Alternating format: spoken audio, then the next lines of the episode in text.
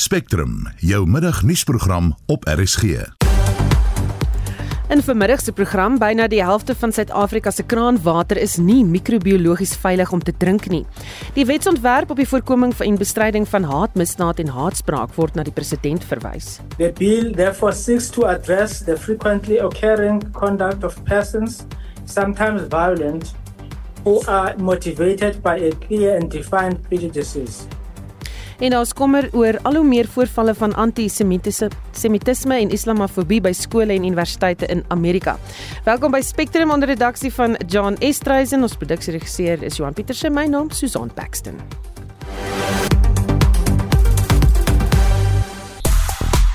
Suid-Afrika soek paadjies op dag 2 van die nie-amptelike toets teen die Windies A-span. Ons netbal Proteas moet Vrydag wen om hul reeks teen Engeland aan die lewe te hou.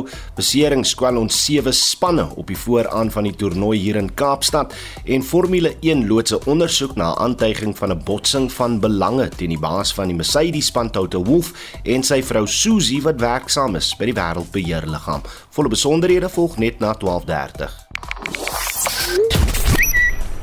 En op X is nog 'n Suid-Afrikaanse musikant in die kollig. Dit keer is dit Nomcebo Zikode. Nou aanhangers is gaande oor haar nuwe enkelsnit en kan Jesu nou as hierdie naam vir jou bekend klink, dis sy wat gesing het in daardie internasionale treffer Jerusalema wat Suid-Afrika en die res van die wêreld aan die brand gehad het. Dan word ook gegons oor die Premier Liga wedstryd tussen Arsenal en en Luton Town gister. Gebruikers is oortuig dat David Raya se foute bykans Arsenal se ondergang kon veroorsaak. Arsenal het daarmee met 4-3 gewen. Ons praat oor troeteldiere, maar ons eh, dierekinders is nie altyd welkom by alle vakansiebestemmings nie en dis nou amper vakansie. As jy so gelukkig is dat jy wel die feesseisoen kan weggaan, wat maak jy met jou diere? Het jy getroue plek waar jy hulle op hulle eie vakansie kan stuur of kry jy iemand wat hulle versorg of in jou huis by hulle kom bly? Praat saam deur 'n SMS te stuur na 45889 teen R1.50 per boodskap of stuur 'n stemnota na 0765366961 dis 0765366961 6 minute oor 12. Jy luister na Spectrum. Die nasionale vergadering het 'n verslag deur die parlement se magte en voorregte komitee aanvaar wat sal meebring dat 6 EFLPs vir 'n maand sonder betaling geskort word.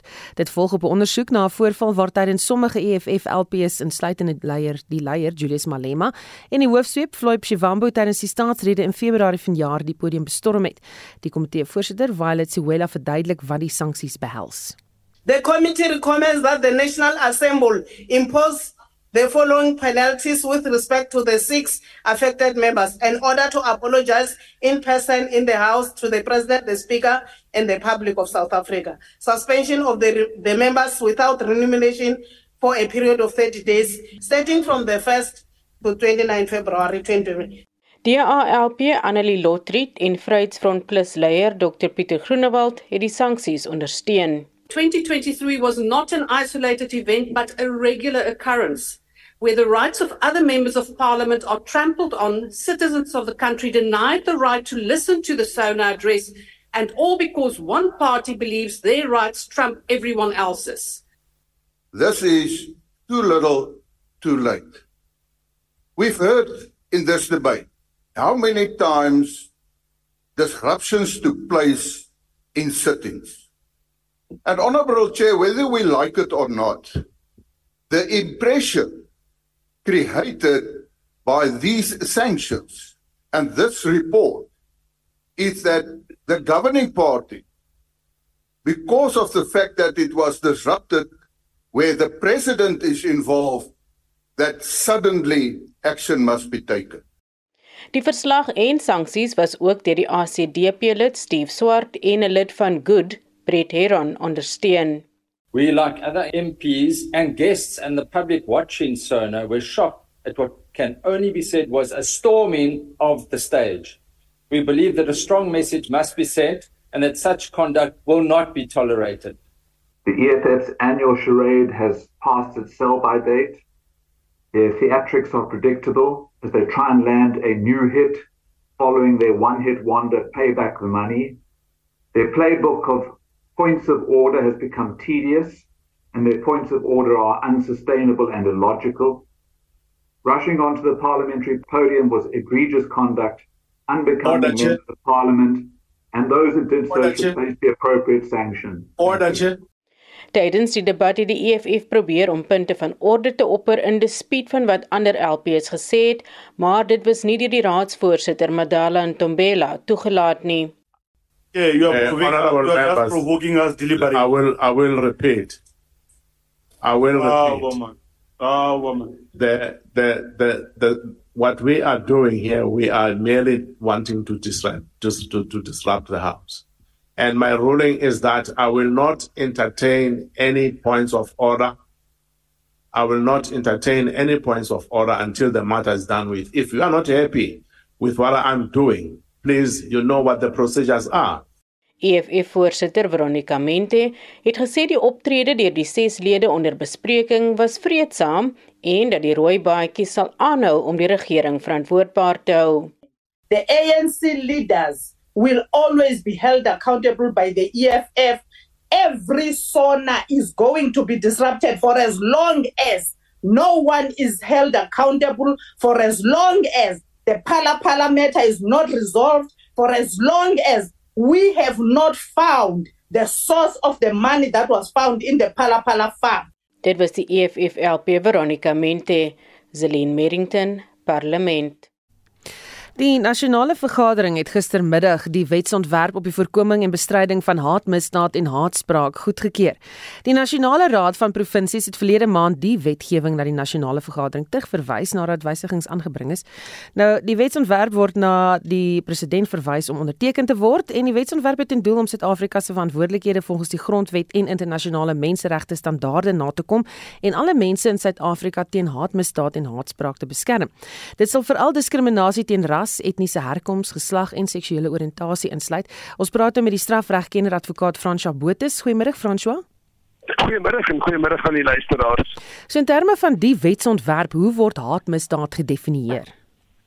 Haatmisdaad het 'n spesifieke definisie in terme van die woordomskrywings van die wet en dit sluit in enige woorde of enige suggestie wat daarop gemik is om 'n spesifieke ras of geslag of uh, oriëntasie se goeie aansien se dignitas se fama daai pieteitsgevoel wat in elke mens se bewussyn ingesetel is om dit skade te berokken en om dit um, ten laste te lê.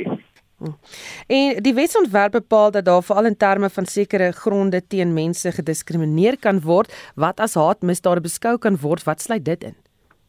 Dit sluit enige verwysing na 'n mens se oriëntasie, geslag, ehm um, jou jou godsdienstige ehm um, ingesteldheid, oriëntasie en natuurlik jou as persoon ehm um, ingesluit jou ras, jou geslag en en jou herkoms. Maar laat ek net dat ek dit vermeld. 'n Mens kry onwillekeurig die indruk alhoewel die motief vir die wet ehm um, suiwer en bona fide ehm um, voorkom, ek dink dit het die potensiaal om die om die om die ruimte waarbinne mense mekaar onnodig en lastig gelê gaan word, gaan dit 'n bietjie gaan dit 'n bietjie ruimer maak, gaan dit 'n bietjie oopmaak vir moontlike misbruik. Ek dink dit is die enigste um, die die die die die die net wat gespan moet word om dit te voorkom. Is dit belangrik dat hierdie wetsontwerp deurgevoer word?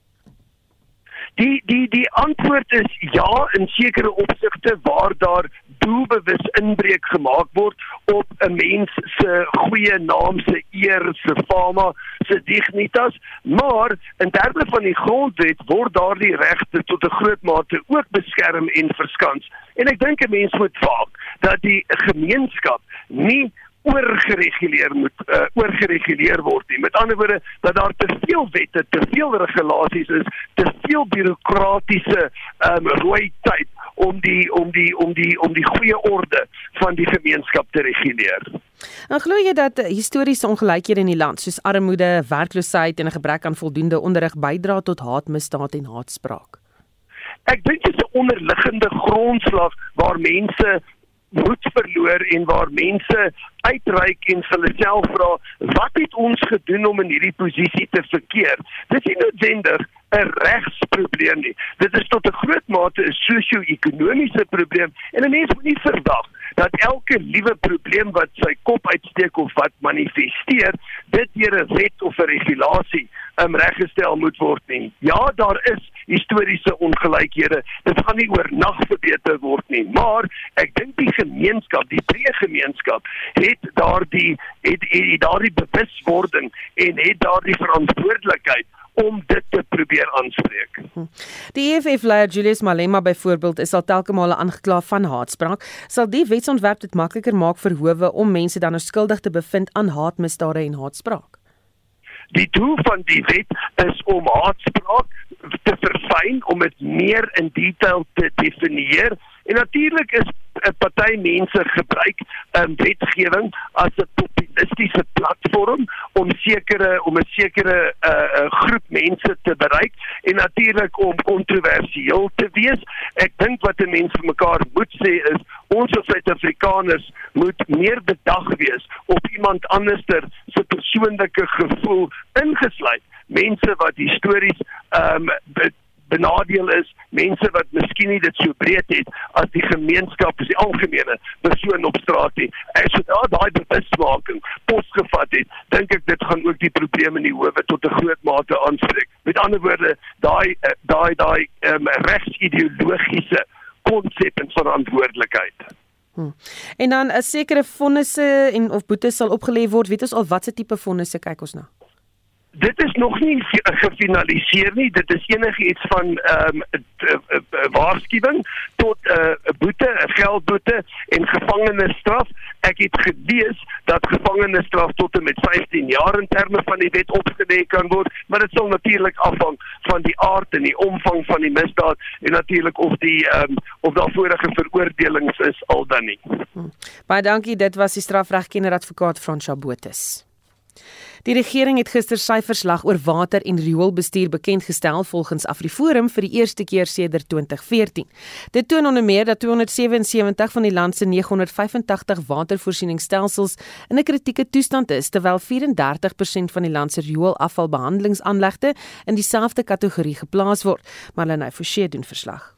Kom ons begin met die verskil tussen die blou druppel en groen druppel verslag. Hier is Marede Val, Afriforum se omgewingsake raadgewer. Die blou druppel verwys na drinkwaterstelsels, so van die punt van waar dit onttrek word uit 'n waterbron uit, waar dit behandel word en waar dit versprei word en uiteindelik voorsien word aan verbruikers. En dan die groen druppel verslag is riool afvalwater, so hoe dit afgevoer word, behandel word en uiteindelik weer in die omgewing vrygestel word. Die organisasie is bekommerd dat minstens die helfte van alle drinkwaterstelsels nie in staat is daartoe om water te voorsien wat aan die nodige vereistes voldoen nie. 46% van gevalle voldoen dit nie aan die standaarde vir microbiologiese kwaliteit nie, so dit beteken daar kan E. coli bakterieë in wees en wat siektes soos kolera kan veroorsaak en ook in 44% van gevalle voldoen dit nie aan die standaarde vir chemiese kwaliteit nie. Maar wat selfs meer kommerwekkend is, is dat in 57% van hierdie gevalle word die publiek nie eers deur die munisipaliteit in kennis gestel dat die water nie veilig is vir gebruik nie. Die verslag toon verder dat sowat 2/3 van die land se rioolstelsels in 'n hoë risiko of kritieke toestand is. Jy kan nie meer verwag dat hulle voldoende funksioneer om op standaard water te behandel nie wat dit tot gevolg het is 'n bose kringloop waar die water wat in ons riviere is van so swak toestand is dat dit al hoe duurder gaan word om te behandel om veilige drinkwater te voorsien.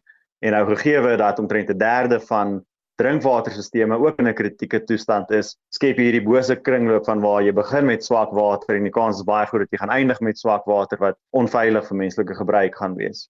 Ek sien ook hier op julle mediaverklaring julle het planne vir volgende jaar. Wat behels dit?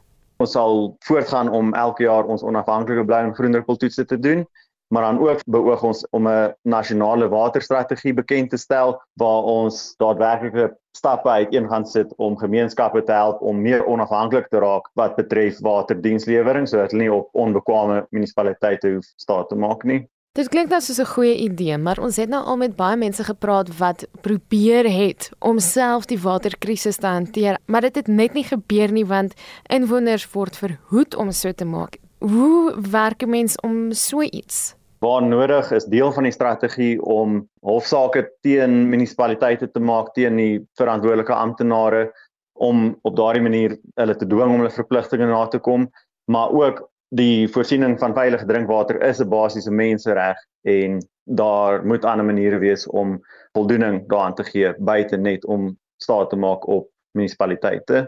Die organisasie teen belastingmisbruik se hoof van gemeenskapsinnovasie Julius Kleinhans sê hulle ondersteun soortgelyke inisiatiewe. Maar wat ons moet na kyk is die probleem gaan nie weggaan as ons net die owerhede begin aanspreeklik hou nie. Jy weet ons betaal klaar belasting en ons betaal vir water en sanitasie en dit raak duurder elke jaar en nou word ons dubbel belas weens ons self doen vermoë probeer skep om dit self reg te kry. Ons het nie veel van 'n keuse nie, maar dit moet 'n tydelike oplossing wees. Jy het nou so vlugtig geraak aan julle inisiatiewe, maar wat doen julle? Ons is baie goed geposisioneer as Outa en Watercan. Ons het goeie verhoudings al gebou met die direkteur-generaal van water en sanitasie, Dr. Shaun Phillips. So ons sit in baie strategiese vergaderings waar ons regtig sien dat die departement van water en sanitasie begin 'n verskil maak. Met dit ook het ons deelgeneem aan verskeie wetgewingsveranderings sodat ons kan sien in die nabye toekoms waar munisipaliteit op die oomblik water en sanitasie tariewe heg, maar die geld gaan nie noodwendig na die infrastruktuur toe nie. Dat die wetgewing verander dat meeste van jou waterdienste tariewe teruggeploeg word in waterdienste verskaffering en infrastruktuur. Dit beteken volgens hom meer gemeenskapsbetrokkenheid veral by organisasies wat hulle vir die kwessie beywer gemeenskapsstrukture soos jou residents association en takke van AfriForum of wat ook al dit mag wees sodat ons 'n uh, eh, sterker stem kan wees. Aanspreeklikheid op plaaslike regeringsvlak bly egter vir Outa die belangrikste omkeerpunt. Met riool as 'n voorbeeld, het jy 'n waterlisensie en jy moet binne daai raamwerk water suiwer en dit in 'n rivier of 'n dam instort en dit is natuurlik gevaarlike afval. So as jy dit nie doen nie, verkwes jy daai lisensie en natuurlik is dit krimineel. As ek en jy dit doen, kan ons toegesluit word vir 5 tot 10 jaar en jy kan nog beboetek word. So ons wil sien dat die munisipale bestuurder persoonlik tronk toe gaan. Dit was Alta se hoof van gemeenskapsinnovasie Julius Kleinhans. Marlene Forsie, SAK nuus. Ons bly by die storie en ons praat nou met 'n waterkenner van Unisa, mede-professor Anja Du Plessis. Eh, goeiemôre Anja. Goeiemôre. Kom ons kyk gou-gou na wat is die verskil tussen die klomp verslae? Wel die die blou drip ehm um, verslag is basically jou drinkwater. Die groen is jou ehm um, riool fasiliteite en dan die nou drop is die hoeveelheid water wat ons verloor in die stelsel of dit nou is deur lekkende pype of dit is deur water wat gesteel is. It's basically water waar ons nie weet waarheen dit verdwyn het nie. Hm. Nou wat veroorsaak ons waterprobleme volgens hierdie verslag?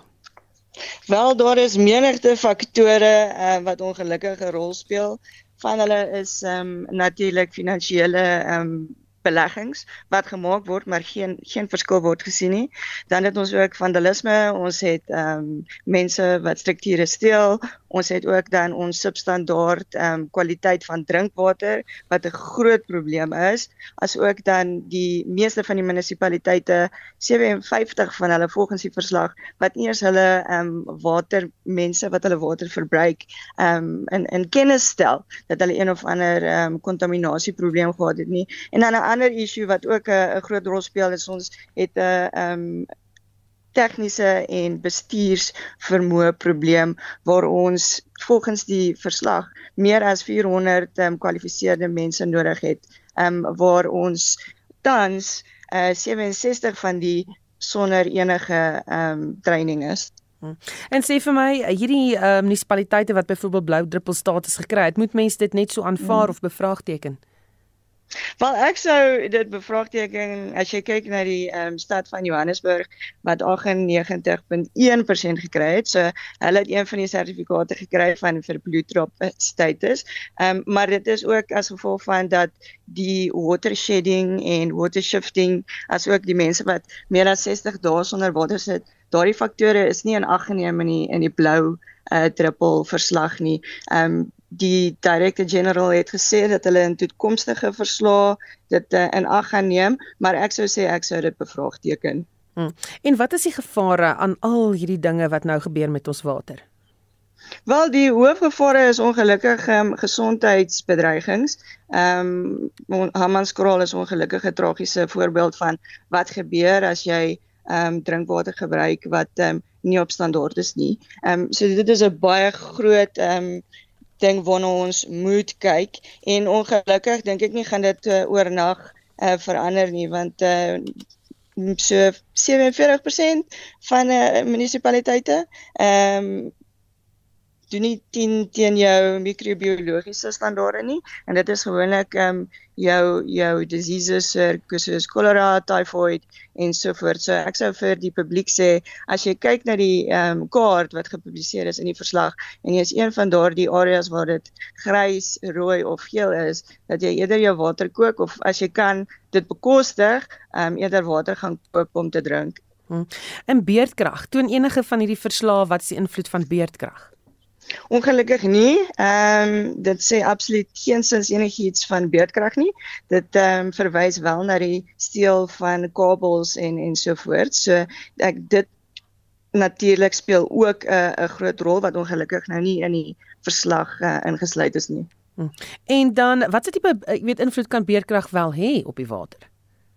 Wel met beerdkrag is dit een van daardie stories waar omdat jou infrastruktuur nie op 'n sekere vlak is nie, ehm um, kan dit veroorsaak dat jou klein lekkende dele van 'n pyp dalk groter word soos wat die druk in die waterstelsel toeneem. Gewoonlik ge gebeur daar dan ehm um, pype wat bars en so voorts. Ehm um, jy kry ook areas gewoonlik die hoogliggende areas wat nie water toevoer kry nie. Ek weet Brixton en ehm um, daardie areas ehm um, in die in die noorde op die Bulte, ehm um, hulle sit soms sonder 50 of 60 dae sonder enige water. So beerkrag speel 'n rol in terme van jou ehm um, fisiese infrastruktuur, maar ook dan nog die ander gevolge soos mense wat geen water toevoer kry nie. En dan gaan dit vererger. Wel as ons kyk na ehm um, die ehm um, verslae van 2014 en dan nou weer van 2022 en 2023, gaan dit ongelukkig erger word voordat dit beter word. As ons nie kyk na al hierdie probleme nie, as ons nie regte mense kry in die regte posisies nie, ehm um, en ook die die verskillende munisipaliteite se finansies audit en in 'n eintlik hof toe vat vir al hierdie ehm um, stories nie dink ek nie gaan dit beter word uh, baie vinnig nie. So ek hoop maar dat die departement van waterwese ehm um, stappe gaan neem teen hulle. Ek weet vanoggend het ek gesien dat hulle het tans 40 kriminele sake oopgemaak teen uh, 29 munisipaliteite ehm um, waar hulle lyk like my teen sekere reëls gegaan het in die nasionale water um act. So ek hoop maar daar is een of ander verandering in daai maar ons weet hoe lank ons hofsaak lyste is. So ongelukkig gaan dit um slegter word voor dit beter gaan word en dit is hoekom ek vir meeste van die gemeenskappe sê dat wees eerder versigtig as die water vreemd lyk of vreemd ryk of vreemd proe, los dit eerder, uh, gaan kry vir jou gebottelde water of kook jou water twee keer. Baie dankie, dit was 'n waterkenne verbonde aan Unisa met die professor Anja Du Plessis. Die konflik in Gaza het oorgespoel na skole en universiteite wat groot kommer heers oor al hoe meer voorvalle van antisemitisme en islamofobie. Sedert Hamas se aanval op Israel op die 7de Oktober het die departement van Midde-Oosterse studies aan die Dartmouth College in Amerika forums gestig waar studente vrylik in 'n veilige ruimte kon praat oor hulle gevoelens, maar hulle verseë het meer besonderhede. 'n Senior dosent, Ezedin Fisheri, het 'n beduidende rol hierin gespeel en hier is wat hulle gesien het. Whether the students have Jewish background or Arab background, both were looking for ways to vent those emotions, looking for approval and validation more than they were looking for facts and details that might be upsetting because they don't meet their expectation and their received knowledge. The main question then becomes whether we as faculty feed into those emotions and give them the validation they're looking for or we seize this moment as a teachable moment. Verskeie top-universiteite moes egter onlangs voor die kongres verskyn oor hul hantering van die spanning en een van hulle is Harvard. Hier is president Claudine Gray. I have felt the bonds of our community strain. I have sought to confront hate while preserving free expression. This is difficult work, and I know that I have not always gotten it right. The free exchange of ideas is the foundation upon which Harvard is built, and safety and well being are the prerequisites for engagement in our community. So hoe gemaak in so 'n situasie?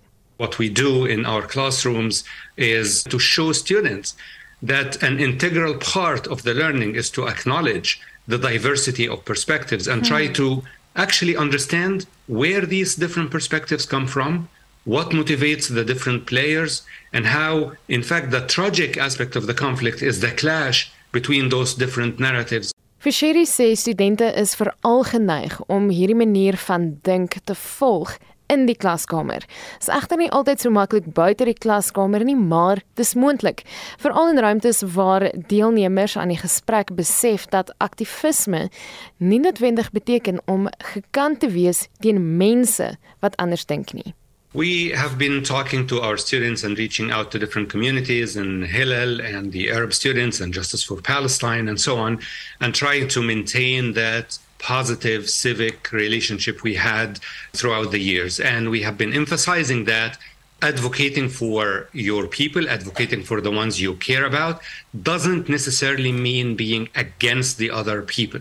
And maintaining that civility and the safety that we have, which allows us freedom not just of expression, but freedom of learning, of questioning the stereotypes, is very important. And I found that students were actually receptive. Dit was 'n senior dosent by die departement van Midde-Oosterse Studies aan die Dartmouth College in die VSA, Ezedine Fishery. Marlene Fischer, SAK nuus. Jy luister na Spectrum elke weekmiddag tussen 12 en 1.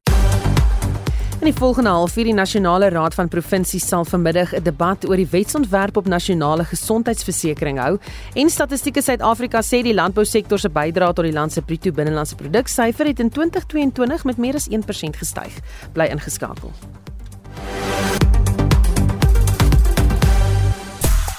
Hm kan nie wag dat die vakansieverkeer hier in Johannesburg begin nie. Niemand wat daar aan toue mee staan nie, geen swaar verkeer nie. Almal kan daar aan lang toue by die see gaan staan. Nou ons gesels uh, oor troeteldiere en waar hulle gaan los hierdie vakansie. Uh luisteraar tant aan wat sê ek bly tuis. Vertrou nie die oppassers nie. Hoe moet ek weet dat hulle hulle werk gedoen het? My diere kan nie praat en klagtes indien nie. En dan sê nog 'n luisteraar, troeteldiere mag ergernis of streamend wees in vakansietyd, maar die liefde vir die res van die jaar maak dubbel en dwars op daarvoor. Moenie diere aanhou as jy nie opofferings wil maak maak nie. Jy kan steeds saamgesels 45889 SMS se kos R1.50. Ons praat nou met Udo Karelse vir die jongste sportnuus. Goeiemiddag Udo. Middag Susan. Ons begin met cricketnuus. Ja, dis dag 2 van die derde nie amptelike toets op Bloemfontein tussen ons mans A-span en die Windies A-span. Ons beurt is op 274 almal uitgesluit. Die Windies het vanoggend voortgekom op 17 vir die verlies van een paaltjie, maar dit gaan alles in uh, na die kant van die Suid-Afrika A-span. Van die Windies tans 90 vir die verlies van 6 en is Dane Patterson, uh, die man wat al die deurbrake maak, sy ontleding tans 4 vir 34. Dan is dit ook die eerste dag van die tweede toets tussen Bangladesh en Nieu-Seeland waar Nieu-Seeland bietjie sukkel. Bangladesh uh, is almal uit vir 172. Nieu-Seeland op die oomblik 55 vir die verlies van 5, so hulle agterstand staan nog op 117 lopies. En dan weer terug op eie bodem sal ons dames Proteas vanaand vanaf 6 uur moet uithaal en wys na Bangladesh hulle in die eerste T20 in die reeks van 3 wedstryde vir die heel eerste keer op internasionale vlak getroof het. Tweede wedstryd word in Kimberley gespeel vanaand. Nou Vrydag is 'n belangrike dag vir ons Protea Nettles, 'n netbalspan. Hoekom? Ja, hulle moet oor môre 'n wedstryd teen Engeland wen om die reeks van 3 wedstryde die lewe te hou. Ons dames het al gister goed teruggeveg in die derde en vierde kwart, maar moes tevrede wees met 'n 45-51 nederlaag teen Engeland en hulle is natuurlik die naaswenners van die Wêreldbeker wat ons hier gehuisves het. Ons speel Vrydag aan uh, aand in die voorlaaste wedstryd in Nottingham. Die Wêreld Sewe Rugby reeks maak die naweek sy buiging in Kaapstad waar ons mans en dames spanne sit met beseringsprobleme. Ja, is 'n bietjie van 'n jammerte. Ons kampioenspan van uh, die Dubai 7 sal sonder Christie Groblaar moet klaarkom. Dit kan bering toon dat uh, hy sy enkel uh beseer het en nie betyd sal herstel nie. Die Pretoria se Tristan Leeds, hulle is bietjie nader getrek uh, wat dan beteken dat die afrigter Sandile Ngobo sy span met een speler moet skaaf om by die toelaatbare 13 spelers uit te kom. In ons vroue span gaan Libby Jansen van Rensburg en Zentle Mapupa ook die naweek weens besering besloop. Die finale groep van 13 spelers vir beide spanne word eers môre bevestig. Net so terloops, as jy in die Kaap is, jy beter vinnig te werke gaan om jou kaartjies in die hande te kry. Ek sien 65000 kaartjies is reeds vir dag 1 en 2 verkoop na die Kaapstad Stadion. In internasionale rugby nie sê die man wat die televisie skeieregter uh, gespeel het in die Wêreldbeker finaal tussen die Bokke en Engeland besluit hy gaan van nou eers wegstap van die spel.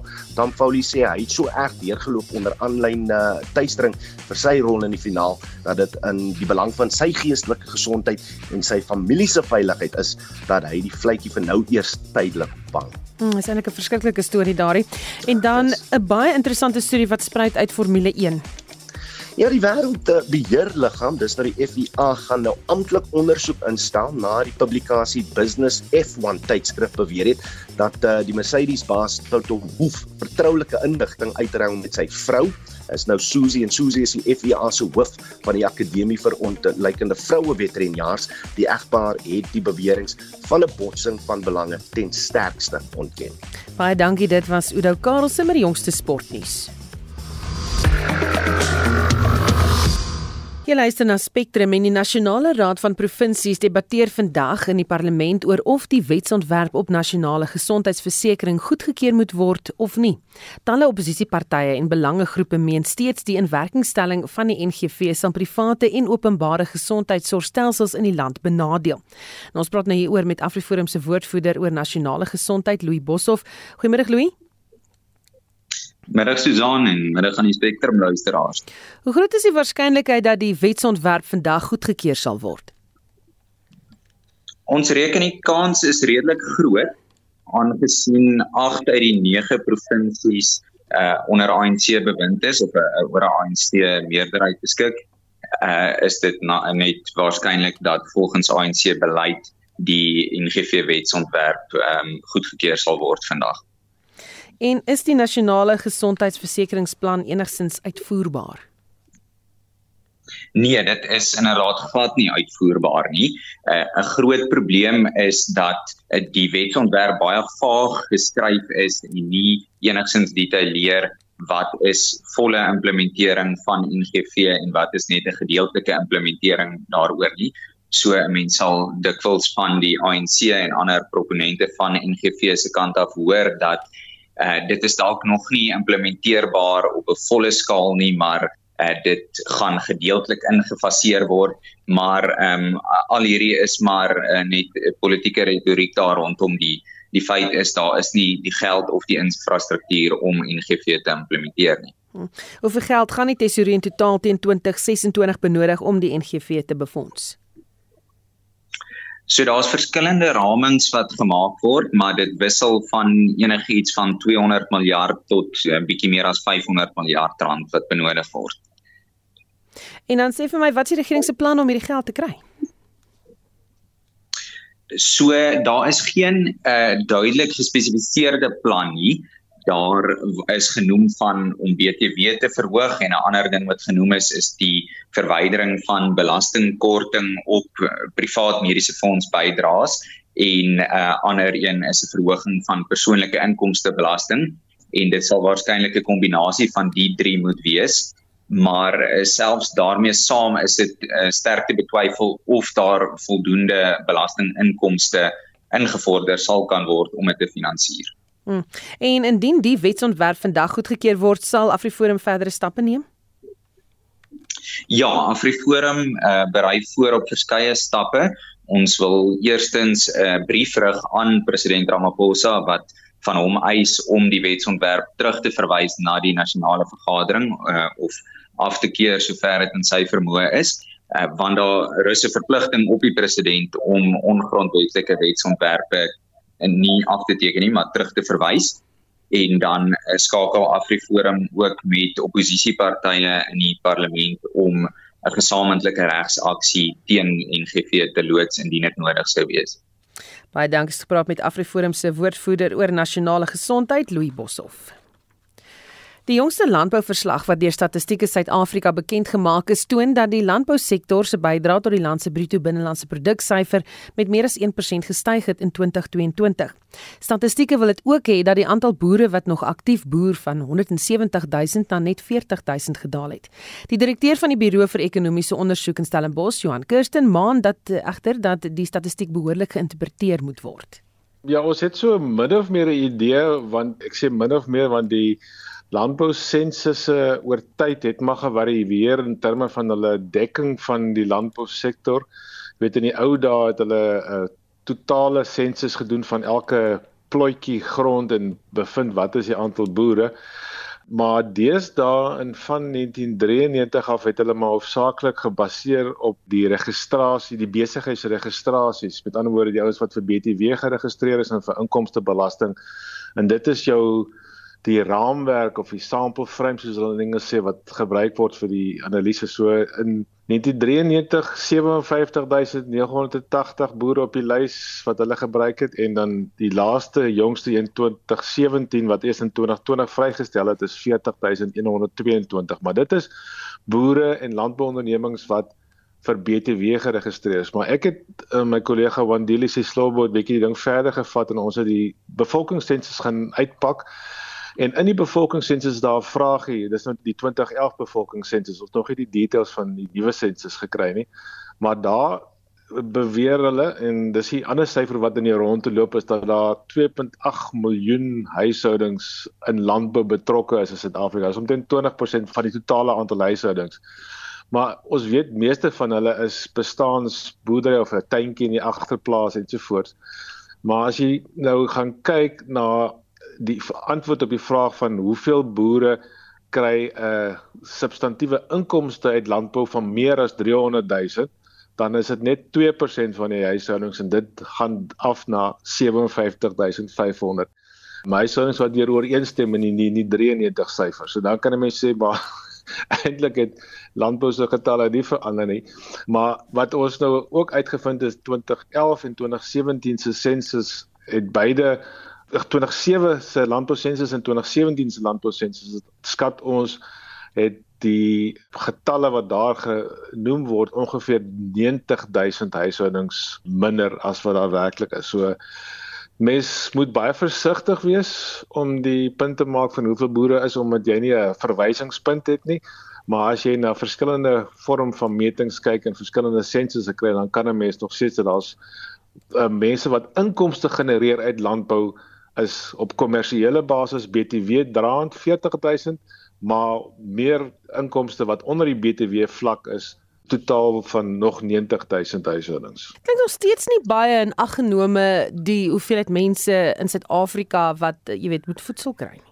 Ja, maar mens moet ook onthou dat baie van die landbouondernemings het gekonsolideer, so daar's baie groot ondernemings en die jongste landbouopname wat nou juis laasweek vrygestel het wat nou net meer 'n klein steekproef neem van die totale bevolking van landbouers is bewys dat daar 20% of jy weet my syfer is altyd so 2000 van die boere genereer omtrent 80% van die totale inkomste of 60 tussen 60 en 80% van die totale waarde van landbouproduksie. So die groot boere is verantwoordelik vir 'n groot gros van die landbouproduksie en hulle doen dit redelik effektief en hulle het in, in natuurlik um, plase in verskillende dele van die land wat daarom daardeur meebring dat hulle geïsoleerd is teen verskillende klimaatsveranderings ensovoorts maar die realiteit is ons boere boer doeltreffend deesdae op kleiner skaal kleiner plase hulle doen meer op die stuk grond gegee word die nuwe tegnologie en daarom is daar nog steeds as 'n mens kyk na die totale landbouproduksie voldoende hoeveelhede kos in die land en uh, ek dink die argument oor uh, voedselsekerheid nasionaal is daar maar ons weet natuurlik dat mense op op arm vlakke natuurlik nie altyd kos kan bekostig nie maar ons is nie asof ons te min voedsel produseer nie en ek dink die boere doen 'n fantastiese werk om ten minste die kos op die tafel te bring. En dit was die direkteur van die Buro vir Ekonomiese Ondersoek in Stellenbosch, Johan Kirsten of professor Johan Kirsten. Ons bly by die studie die redakteur van die Landbou Weekblad, Chris Burgess, is ook van mening dat ten spyte van al die struikelblokke in die bedryf, verdien elke boer 'n medalje vir wat hulle vermag. Maar ek dink ook die getal boere waar ek groot geword het in Noord-Oos-Kaap is daar minder boere. Ek bedoel dit is maar net 'n feit. So ek dink dit is maar 'n tendens oor die hele wêreld heen dat boere-eenhede groter word en daar minder familieboere is. Dis maar 'n wêreldwye tendens. Die boere wat tans boer, hoe moeilik is dit om te boer in Suid-Afrika? Jy's klaar aan die minderheidskant. Watse tipe van struikelblokke het hulle? Die hele kwessie van die hoeveelheid boere dink ek is natuurlik moet oor gepraat word, maar ek dink 'n groter probleem is is dat die uitdagings wat die ouens in die gesig staar. Jy weet, ek mense kan maar net begin met die weerkrag. Ek wil dit affekteer almal, maar jy weet, boere produseer kos. Jy weet, jy kan sien nou met die aardappelpryse en jy, jy weet met die groentepryse en dit is jy weet, groente moet besproei word, weet as dit bo sekere fase gaan ek ek vergeet net presies watter fase dit is dan is dit naas onmoontlik. So ouens gaan en hulle investeer natuurlik in sonkrag, maar jy weet dit is 'n enorme kapitale uitleg. En dan kom ons nie eers by die paaie nie en die hawens en jy weet en al daai goed nie en dan boonop dit het jy baie areas die totale verval van wet en orde. Jy weet ons het gesien nou in die Molopo met 'n uh, Okkertgosen wat 44 beeste verloor het wat vergiftig was deur 'n beweerde syndikaat. So ek dink nie mense besef mooi jy weet wat boere moet deurmaak nie en jy weet as jy mense oor voedselsekuriteit praat dan jy weet dan rol mense hulle oë en jy weet ja maar dis altyd die Bobbejaan wat landbou agter die berg gaan haal maar jy weet mense moet dit van selfsprekend vat nie. Soos ek gesê het met die aardappels jy weet jy kom op 'n punt waar jy 'n paar redelike skokke het en dan het jy tekorte. Jy weet dit is nie dat dit nie kan gebeur nie. So ons het min mense wat vir baie mense sorg en dan het hulle nog heeltyd 'n uh, klippe wat in hulle pad gerol word. Ek wil dit kan nie goed eindig nie. Dit is so amper asof daar 'n aktiewe poging is om hierdie besigheid, jy weet, die landbousektor te beskadig. Ja, ek vir myself nou nie uitlaat of dit 'n aktiewe poging is nie. Ek dink dis alle sektore. Ek dink klein uh, sakeondernemings, entrepreneurs, ek wil ek het vriende wat wat klein besighede bestuur Jy weet dit is hè en hulle kry geen noemenswaardige ondersteuning nie. Hulle kry net probleme van die mense wat die probleme moet oplos. As hulle weer daai ordes gaan uitdeel in uh, by die Unie geboue, jy weet met die dink ek die boere, die entrepreneurs, die mense wat waarde skep in hierdie land, hulle behoort uh, toekenning te kry. Weet want dit is die mense wat die ekonomie staande hou desondanks die uitdagings. Ek dink nie daar's 'n ander plek in die wêreld waar die uitdagings so op elke vlak is nie. Ek mag verkeerd wees, maar ek voel dis net my gevoel. En dit was die redakteur van die Landbou Weekblad Chris Burgess. Openbare hoërskole se skoolfonds het sedert 2013 gemiddeld met meer as 10% gestyg. Volgende jaar kan ouers weer 'n verhoging in skoolfooie verwag wat finansiële druk op ouers en skole plaas. Die adjunk uitvoerende hoof van die Federasie van Beheerliggame van Suid-Afrikaanse skole, Rian van der Berg sê, al hoe meer ouers doen aansoek om kwytskelding van skoolfonds en sommige sou bloot net op om te betaal. Enige prysverhoging in jou huishoudelike uitgawe struktuur wat hoër is as die verhoging indien daar 'n verhoging is in die inkomste struktuur beteken daai skyfie van die pastytjie word groter. En as die volledige pastytjie dieselfde bly maar daar's een of twee skyfies wat groter word, beteken dit ander skyfies word kleiner. So die implikasie daarvan is ouers moet sny op ander plekke. Dit is die een moontlikheid. Die ander implikasie daarvan vir skole is dat ouers soms versuim om skoolfonds te betaal wat 'n statutêre verpligting is en dit maak vir weet laer inkomste by skole en dit is 'n sneeubal effek.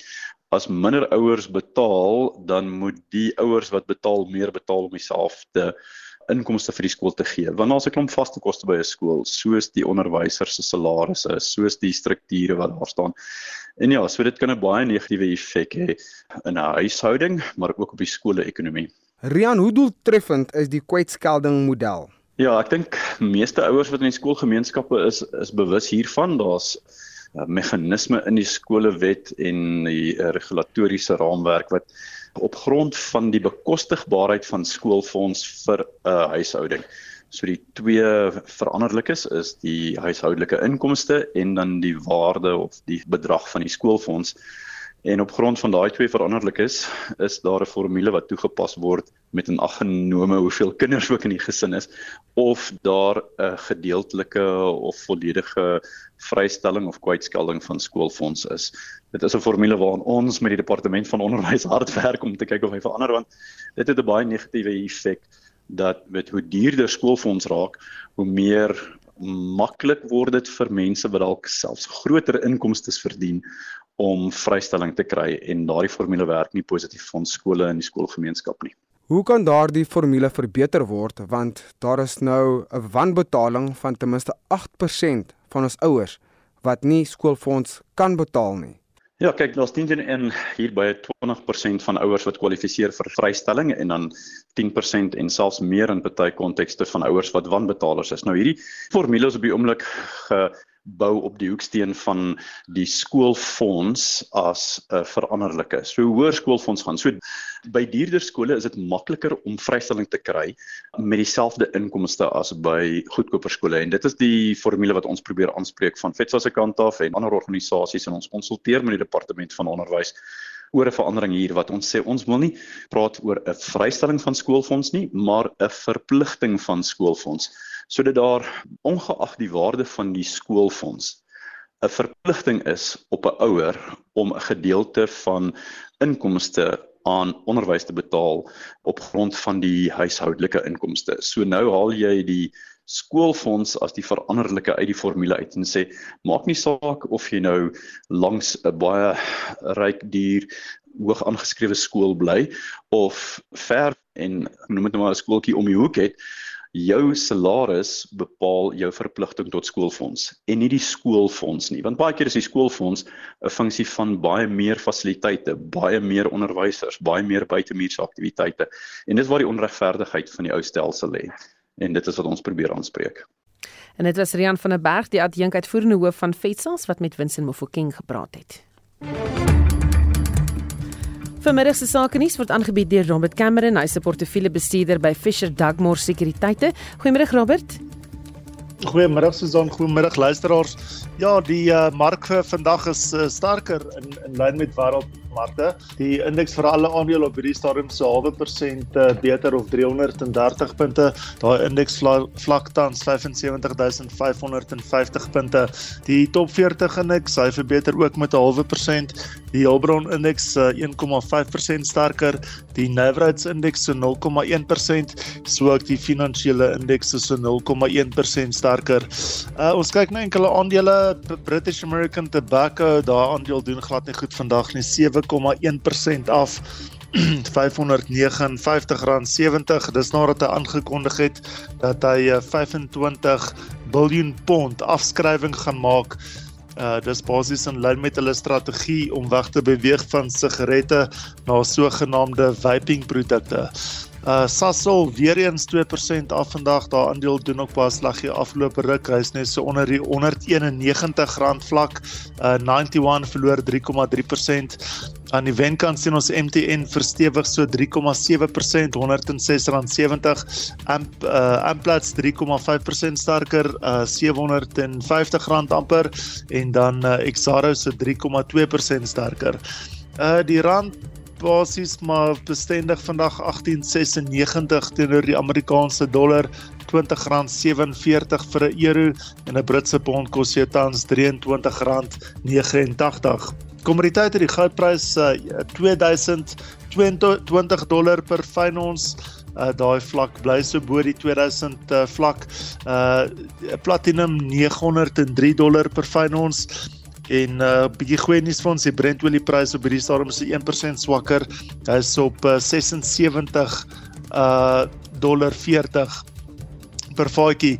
Internasionaal sien ons die Dow die S&P 500 basies onveranderd gesluit. Die Hang Seng vroeër vanoggend in uh, Hong Kong uh, 1% sterker en Europa al die markte lekker groen.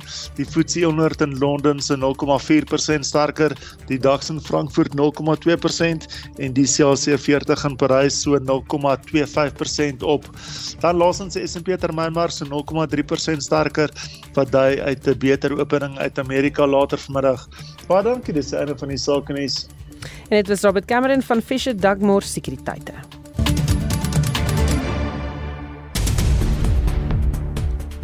So Essie hou eh, die nuus en ontwikkelende stories dop. Ons begin met nuus uit die Landdroshof in Belabella in Limpopo waar 'n verdagte wat met die diefstal op president Cyril Ramaphosa se Palapala plaas verbind word, aansoek gedoen het om borgtog.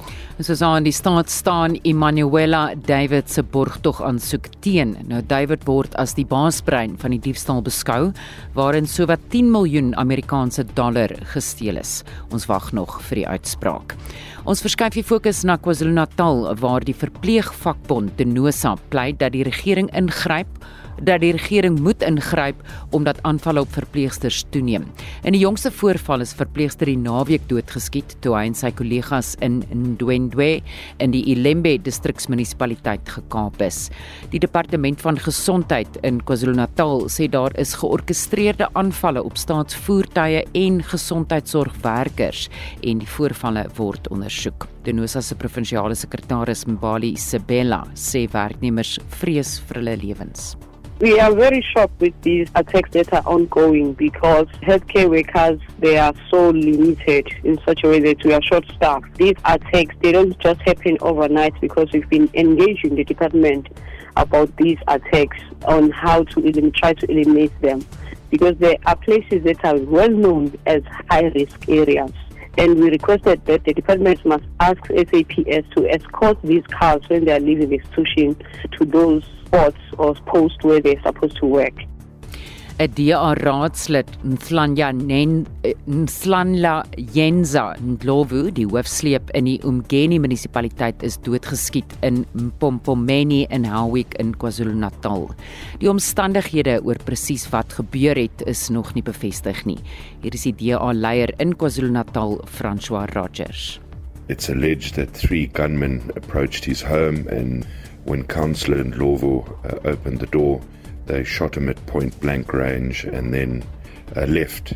We can only but call on the South African police services to do their job and to speedily bring to book those perpetrators who destroyed the life of a DA councillor, of a human, of a man, of a father in the community of Howick.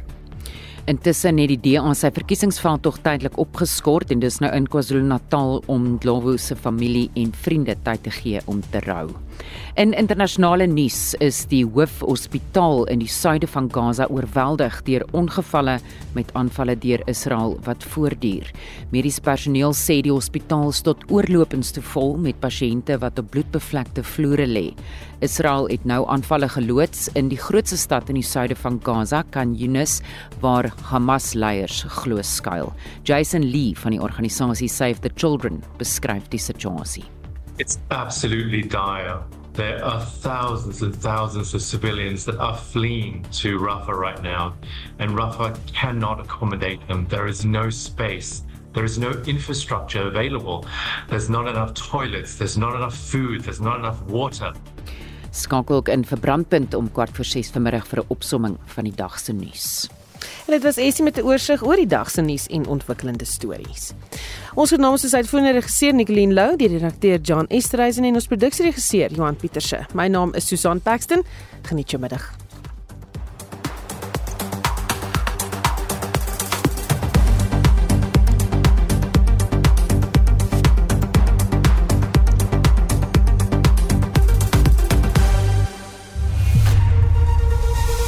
SAK nuus. Onafhanklik, onpartydig.